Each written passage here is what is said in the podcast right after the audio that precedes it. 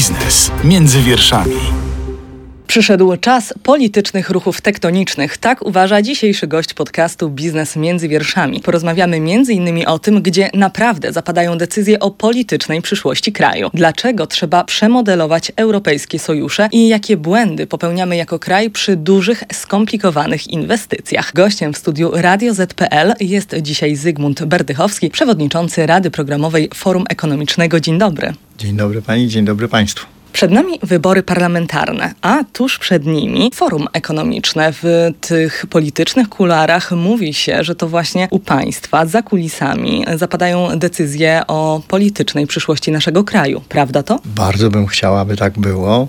To, co na pewno możemy mówić e, z ogromną pewnością, to jest to, że bardzo wielu, bardzo ważnych gości będzie brało udział w tym wydarzeniu. W związku z tym naturalną koleją rzeczy e, mogą rozmawiać o najważniejszych sprawach, mogą e, spotykając się z sobą rozmawiać o koniecznych, potrzebnych, możliwych sojuszach, o, o tym wszystkim, co będzie w trakcie kampanii i po kampanii wyborczej. Porozmawiajmy o konkretach, o wątkach tematycznych i ustalmy fakty. Od 3 do 5 września będzie się odbywało wydarzenie w Karpaczu pod e, hasłem Nowe wartości Starego Kontynentu Europa u progu zmian. O jakie wartości i o jakie zmiany chodzi? Przede wszystkim musimy sobie powiedzieć tak, że organizujemy to forum w dwa lata po tym, jak e, przeżyliśmy pandemię i rok po tym, jak wybuchła wojna.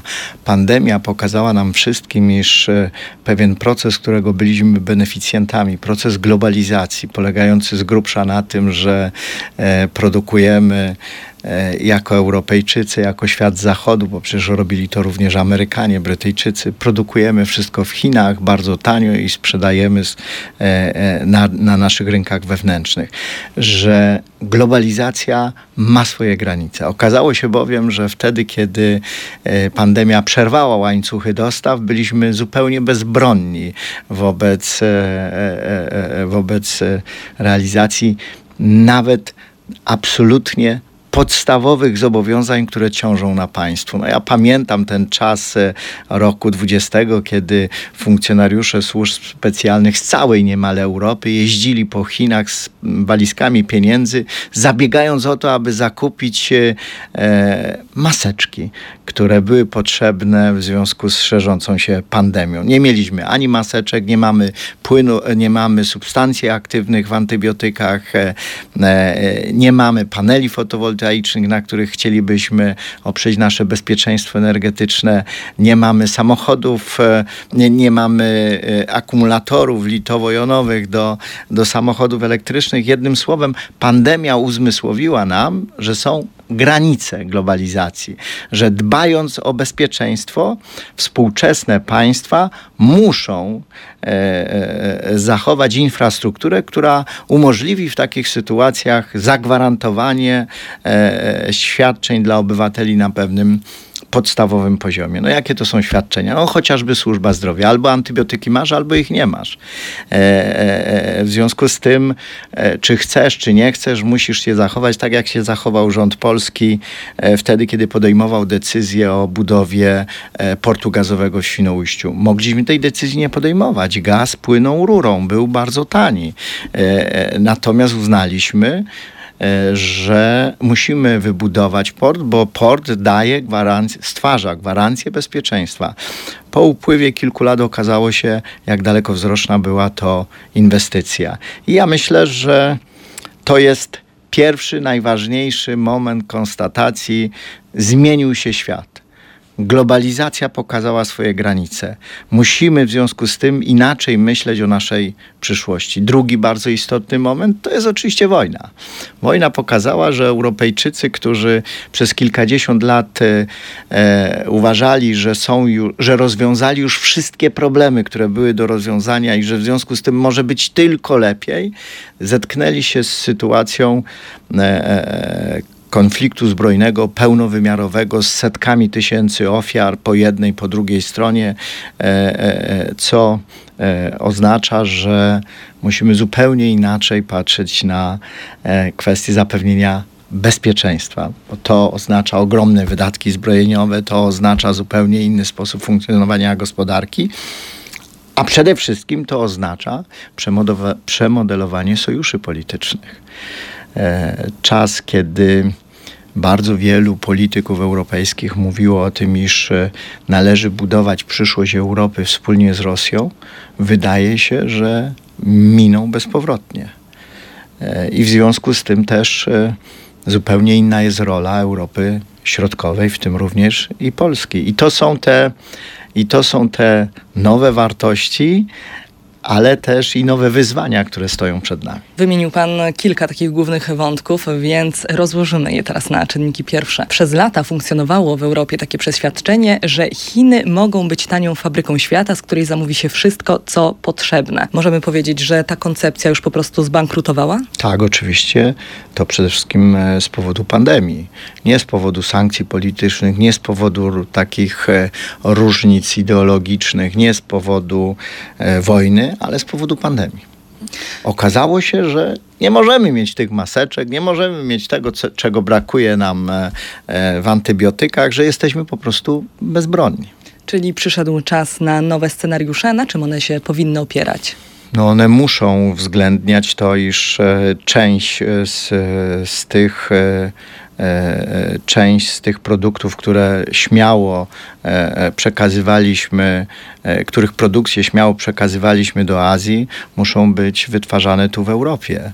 W związku z tym, po pierwsze, musimy wybudować nowoczesną infrastrukturę dla tego rodzaju przemysłu. Po drugie, musimy mieć świadomość, że koszty, które będą wiązały się z tym, aby utrzymać to bezpieczeństwo, będą większe niż w przypadku bezpośredniego importu z na przykład e, z Azji. Gotowość do poniesienia większych kosztów w celu zapewnienia bezpieczeństwa obywatelom to jest jeden z elementów, który będzie trwale oddziaływał na europejską politykę gospodarczą w najbliższych latach. Wspomniał Pan też o granicach globalizacji, których w sumie w teorii mieliśmy nigdy nie poznać, bo w ostatnich latach mówiło się, w poprzednich latach e, przed tymi kryzysami, że globalizacja jest już tak rozpędzona, że właściwie po horyzont, że już nie wiemy do kiedy i w jaki sposób ona będzie się rozwijała. Te kryzysy ostatnie pokazały nam, że jednak jest e, inaczej. I teraz, co to w praktyce oznacza dla Europy, Europy Środkowej, Europy Wschodniej i dla Polski? W pierwszej kolejności to oznacza decyzję o relokacji ważnych, wielkich inwestycji e, gospodarczych. No, w ostatnim czasie byliśmy świadkami, e, e, dokładnie pewno miesiąc temu byliśmy świadkami e, zakończenia negocjacji, podpisania wielkich umów między amerykańską firmą Intel a rządem Republiki Federalnej Niemiec i rządem Rzeczpospolitej Polskiej na lokalizację w tej części Europy e, ogromnych fabryk e, produkujących półprzewodniki. To, to pierwszy taki namacalny element. Już nie lokujemy tej produkcji tam, gdzie może być najtaniej, tylko przenosimy ją tam, gdzie jest bezpiecznie, tam, gdzie jest szansa, jest gwarancja, że e, takie wydarzenia jak pandemia nie zrujnują łańcuchów dostaw. Tam, gdzie dostęp do rynku, na przykład związanego z produkcją samochodów, artykułów gospodarstwa domowego i tak dalej, i tak dalej, wszędzie tam, gdzie te półprzewodniki, gdzie te chipy są potrzebne, że dostęp do tego rynku jest bardzo łatwy, bardzo prosty, nie będzie wymagał przezwyciężenia żadnych dodatkowych barier. I to jest element pierwszy, to znaczy możemy pozyskać te inwestycje, które jeszcze niedawno byłyby lokowane e, na przykład w Azji. Element drugi, bardzo istotny. My je pozyskamy tylko i wyłącznie wtedy, kiedy będziemy na to gotowi. To znaczy, po pierwsze, kiedy będziemy mieli wykształconych ludzi, którzy będą mogli e, e, z tą technologią, czy wokół tej, czy, czy w obrębie tej e, technologii znaleźć nowe miejsca pracy. To nie ulega dla mnie wątpliwości, że bez ludzi, którzy są wykształceni, nie mamy żadnych szans na pozyskiwanie tego rodzaju inwestycji. Po drugie, stworzyć nowoczesną infrastrukturę techniczną, czyli na przykład drogi, na przykład koleje.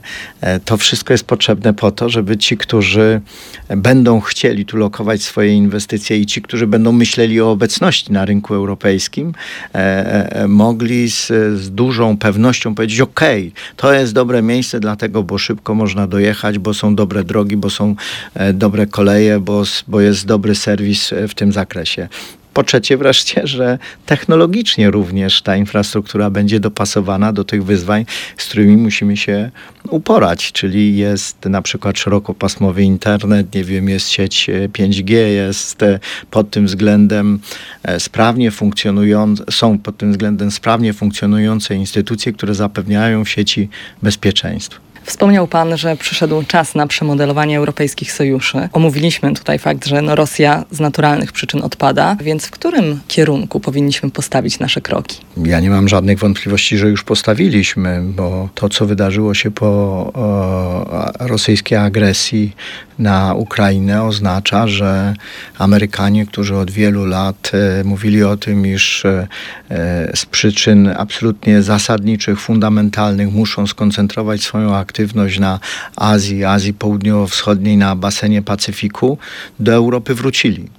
Tupnęli nogą i powiedzieli, e, że e, nie akceptują e, takiej postawy, że nie akceptują takiego sposobu działania, że Rosjanie nie mogą tej wojny wygrać. I to to jest element pierwszy tej zmiany, która nastąpiła, bardzo mocnej zmiany. Element drugi to jest oczywiście zachowanie naszego rządu, czyli decyzje o ogromnych wydatkach zbrojeniowych i e, budowie zupełnie innej, nowej armii w stosunku do tego, czym dysponowaliśmy jeszcze kilka lat temu. To oznacza, że Polska pod tym względem na przestrzeni najbliższych kilku lat stanie się ważnym, bardzo ważnym może nawet najważniejszym graczem w tej części, w tej części Europy. I że nigdy byśmy tego nie zrobili, gdybyśmy nie mieli wsparcia e, ze strony naszych e, e, sojuszników, przede wszystkim oczywiście ze strony Amerykanów.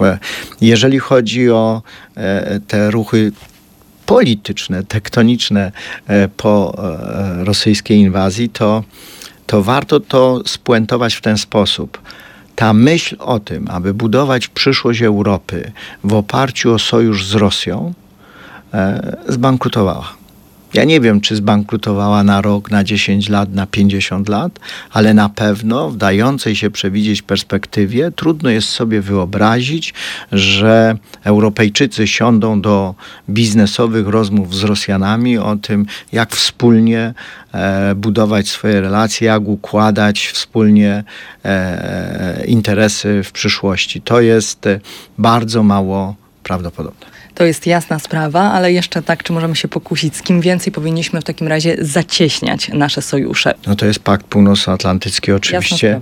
Dla każdego, kto przygląda się temu, co dzieje się za wschodnią granicą, jest rzeczą oczywistą, że Ukraińcy prowadzą dzisiaj wojnę nie tylko w swoim interesie, przede wszystkim w swoim interesie, bronią swojego kraju, bronią swoich obywateli, ale e, również E, powstrzymują e, rosyjską machinę przed tym, aby pojawiła się na polskich granicach. E, każdy, kto w tej sprawie ma jakiekolwiek wątpliwości, powinien pamiętać o tym, że rosyjskie czołgi stoją niespełna trzy godziny od Warszawy. Bo przecież te czołgi stoją w Brześciu jeżeli założymy, że te najbardziej nowoczesne mogą poruszać się z szybkością 70 km na godzinę, to to jest właśnie taka odległość, która dzieli Warszawę od Brześcia.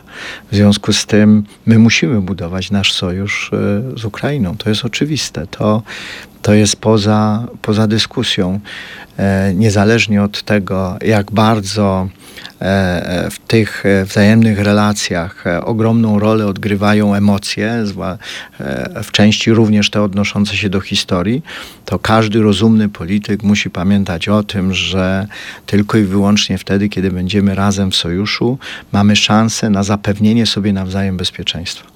Bezpieczeństwa przede wszystkim od wschodniego sąsiada. A jak pan ocenia przygotowanie Polski do dużych i skomplikowanych inwestycji? Ja w tej sprawie mam takie bardzo, e, e, bardzo e, jasne stanowisko z dwóch powodów. Otóż pierwszy raz w tym roku na wiosnę, wtedy kiedy dyskutowaliśmy na forum ekonomicznym, samorządowym forum ekonomicznym w Mikołajkach, dotarło do mnie z całą, e, e, z całą oczywistością coś, co dotychczas nam umykało. Otóż W grupie państw najbardziej rozwiniętych, czyli w OECD, Polska jest na drugim miejscu, jeżeli chodzi o sumaryczny wzrost na przestrzeni między rokiem 90 a 2023. Pierwsze miejsce zajmują niepodzielnie Chiny, których wzrost był w tym czasie ogromny. Ale uwaga, drugie miejsce zajmują Polacy. I pierwsza konstatacja musi być taka: przez te kilkadziesiąt lat władze polityczne w Polsce zmieniały się ciągle.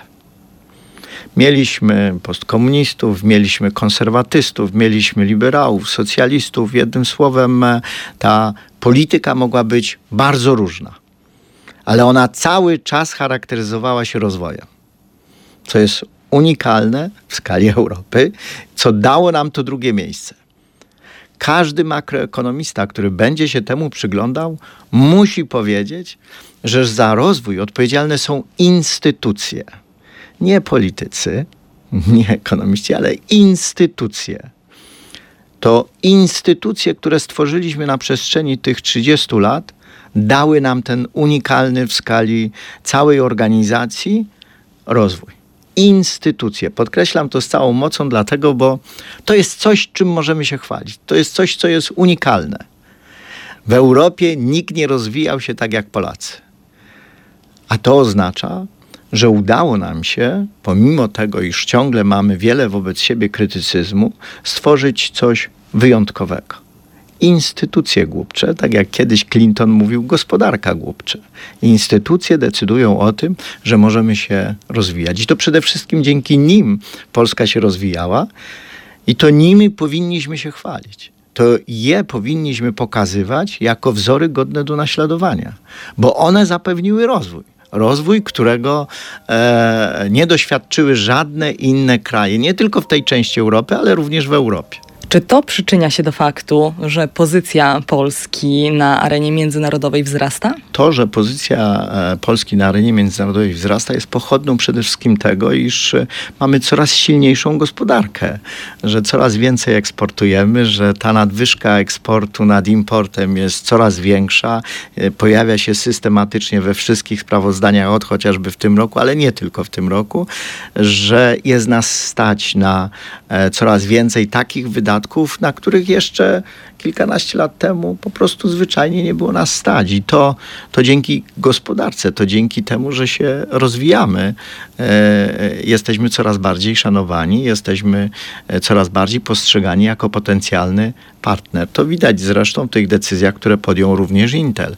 Po pierwsze, nie podjąłby tych decyzji, gdyby rządu nie było stać na 30% e, dopłatę do tej inwestycji, która jest największa, historyczna, e, jeżeli chodzi o jej jej wielkość w Polsce. Po drugie, nie podjąłby tej decyzji, gdyby nie to, iż te instytucje, o których wspomniałem, zapewniają później już tej inwestycji, wtedy, kiedy ona będzie funkcjonowała, wtedy, kiedy ona powstanie, optymalne warunki do tego, aby dyskontować wydane przez Intel pieniądze. A jak pan ocenia atrakcyjność inwestycyjną Polski? Podczas forum ekonomicznego zjeżdża się na miejsce i dyskutuje z przedstawicielami polskiej gospodarki wiele osób ze świata, z międzynarodowego biznesu. I co mówią? Atrakcyjność inwestycyjną można, można oceniać tylko i wyłącznie przez pryzmat jednego wskaźnika. Czy te inwestycje u nas się pojawiają, czy nie? Czy są większe, mniejsze, czy są takie same? Co roku te inwestycje są ogromne. Jesteśmy jednym z najbardziej atrakcyjnych krajów w Europie, jeżeli chodzi o te inwestycje, które dokonuje kapitał zagraniczny. Co to oznacza? To oznacza, że ci, którzy mają pieniądze, mówią: OK, zainwestujmy w Polsce, bo to jest dla nas korzystne.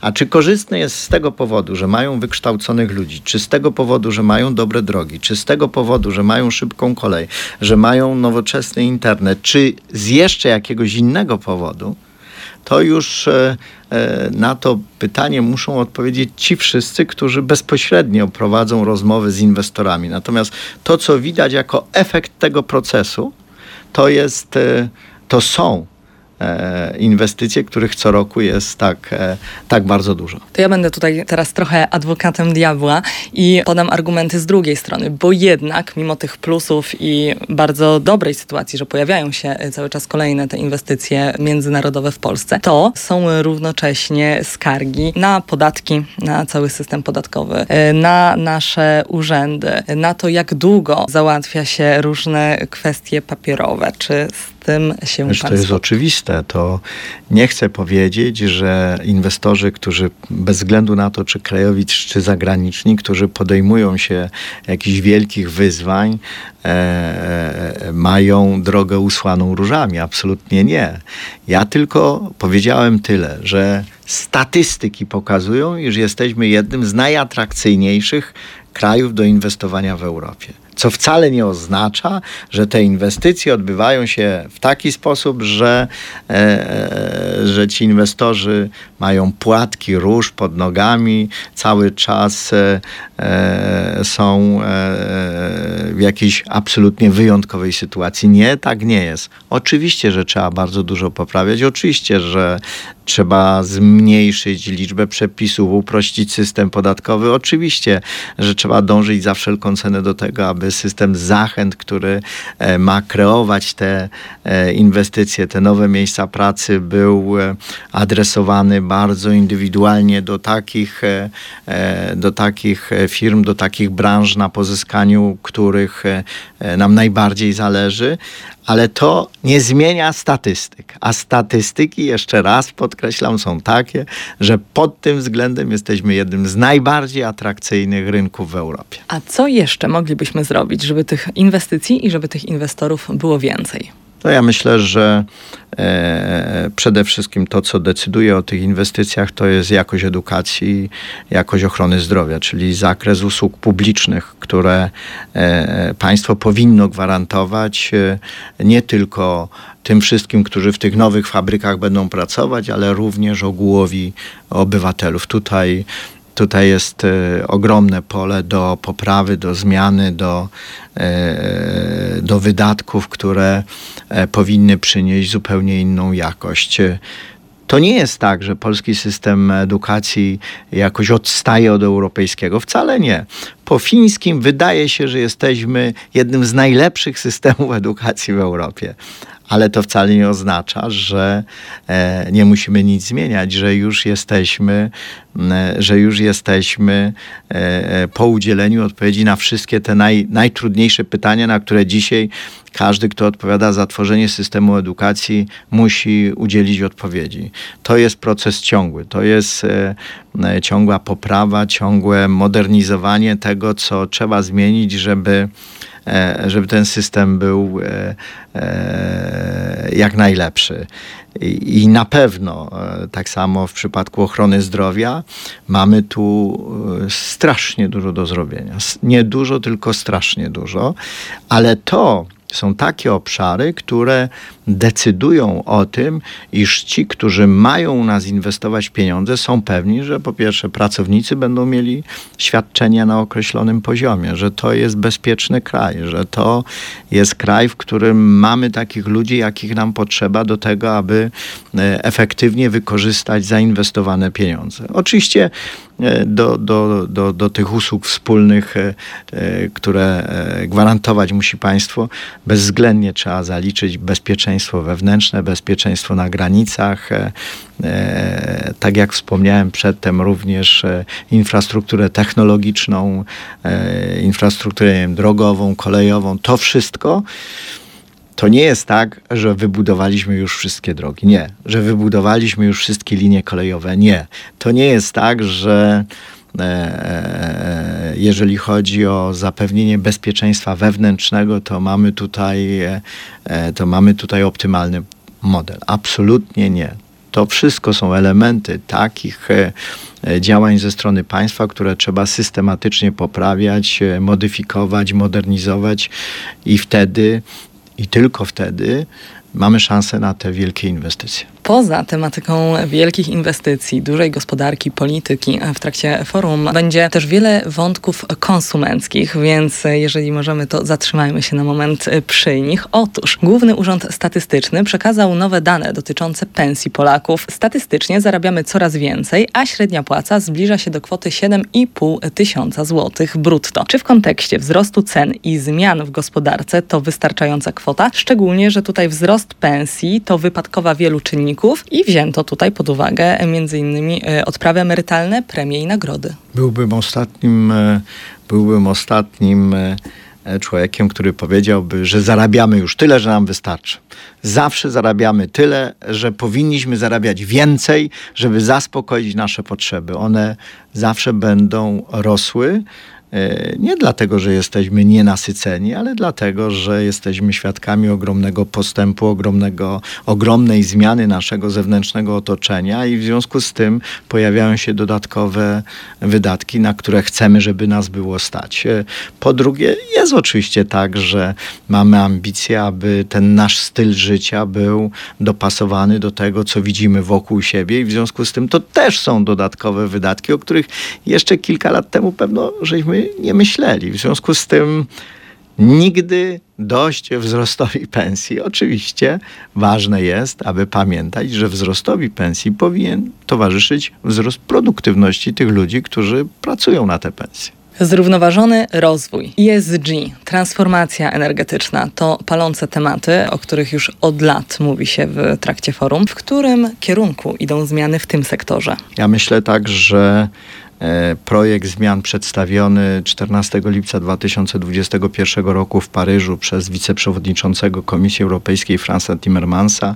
znany potocznie pod e, hasłem e, pakiet dla 55%, że ten projekt był za bardzo ambitny, że wyznaczył takie granice, które będą bardzo trudne do e, zrealizowania albo które w ogóle nie będą mogły być w tym czasie zrealizowane i nie uwzględnia według mnie jednej podstawowej determinanty, z którą e, politycy, zwłaszcza politycy Europy E, zachodniej e, powinni w swoim myśleniu o przyszłości Europy uwzględnić. Otóż e, najlepiej to pokazać na tym, co wydarzyło się w sprawie gospodarki wodno-ściekowej. W roku 2004 Polacy podjęli zobowiązanie, trochę pod naciskiem partnerów, którzy prowadzili wtedy z nami negocjacje, aby w ciągu 15 lat, uwaga, 15 lat, rozwiązać problemy gospodarki wodno-ściekowej.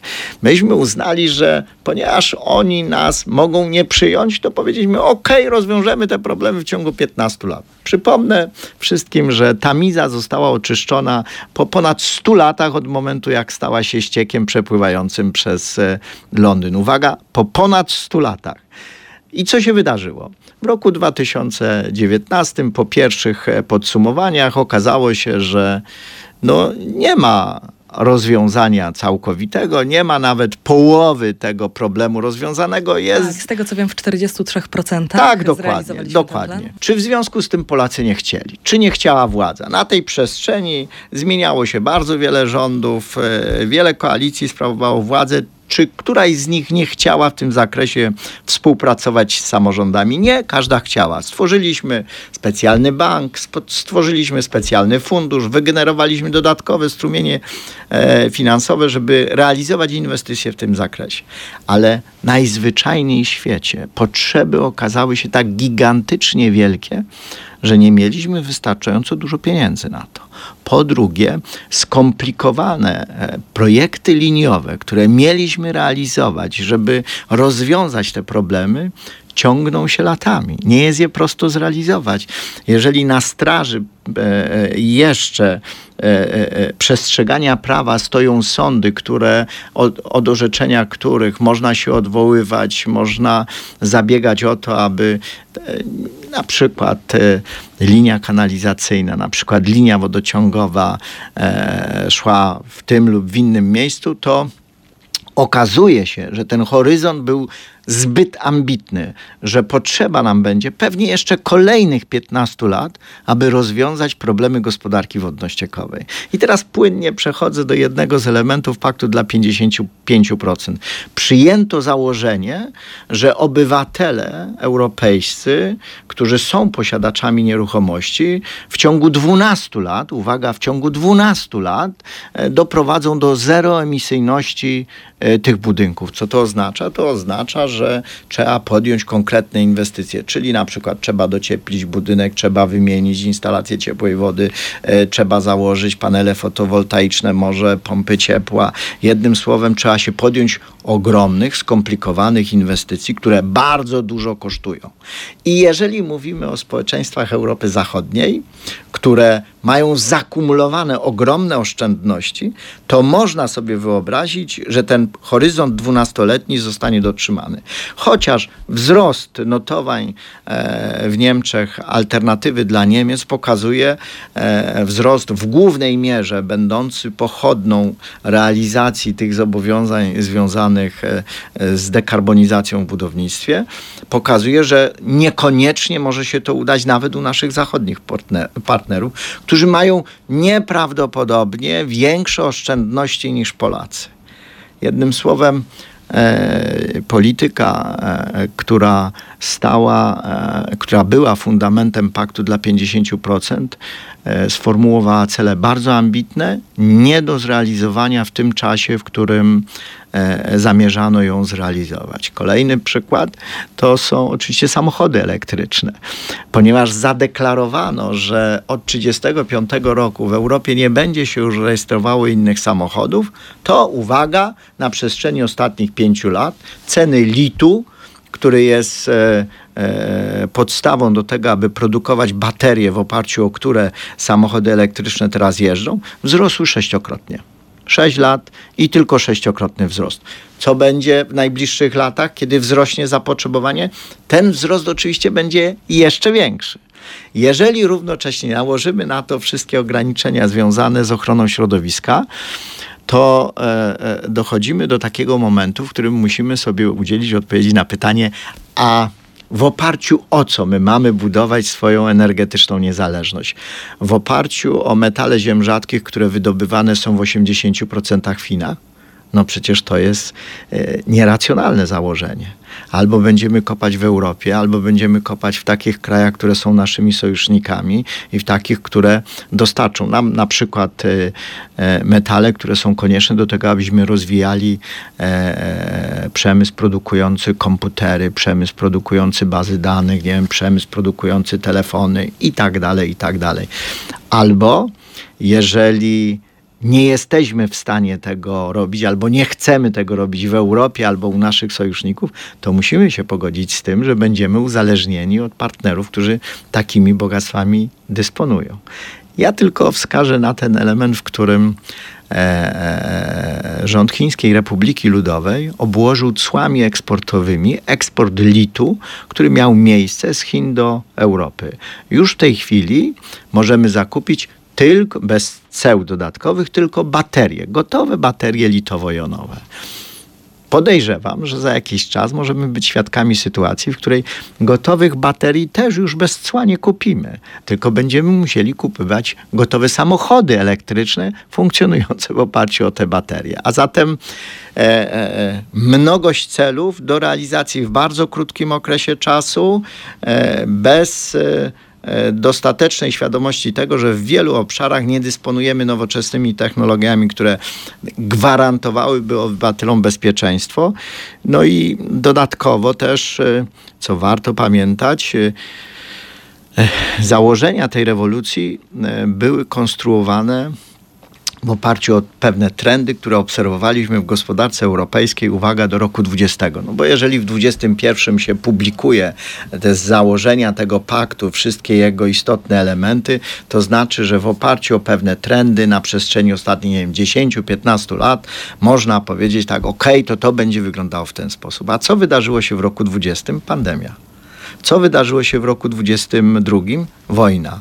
E, nie ma już gazociągu, który płynie po dnie Bałtyku, w związku z tym ceny gazu są e, zupełnie inne i też strumienie przepływu tego gazu są zupełnie inne. Całe gałęzie gospodarki tracą swoją konkurencyjność e, w sytuacji, w której zmienia się tak zasadniczo to otoczenie. Tak na koniec e, wróćmy jeszcze do początkowego tematu, od którego rozpoczęliśmy, czyli od scenariusza, co przed nami podczas najbliższej edycji forum. 470 wydarzeń, może nieznacznie więcej, ponad 5000 gości, e, bardzo interesujące debaty właśnie dotyczące ochrony środowiska, dotyczące zrównoważonego rozwoju, dotyczące e, nowej, nowej E, polityki, nowej geopolityki, e, e, które powstają w związku z tymi wydarzeniami.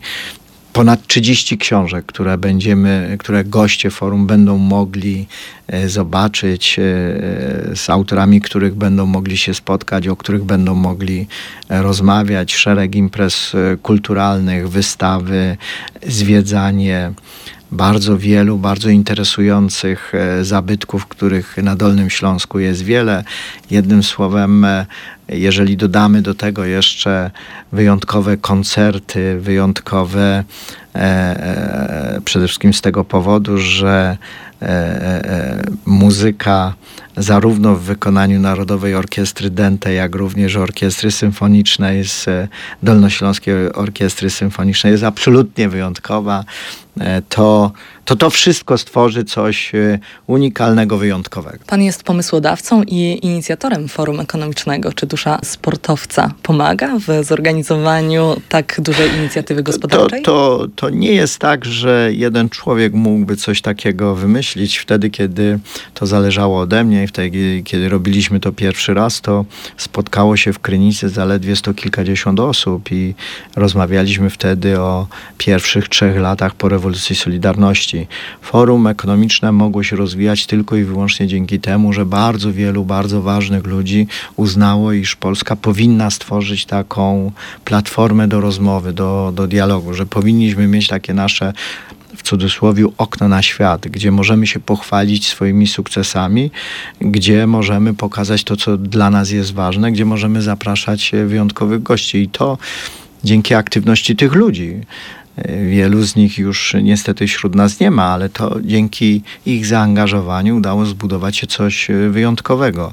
A dzisiaj Dzisiaj forum to jest 50 osób, które przez cały rok przygotowują to wydarzenie. To jest, jeżeli chodzi o E, samą organizację wydarzenia, to jest 30 e, różnych firm, które z nami współpracują tam na miejscu, żeby możliwa była realizacja e, tego wydarzenia w taki sposób, aby goście byli usatysfakcjonowani pobytem w Karpaczu. To jest prawie 2000 ludzi, którzy stanowią obsługę od, od ochrony przez kierowców, kelnerów do na przykład ludzi zajmujących się kwiatami.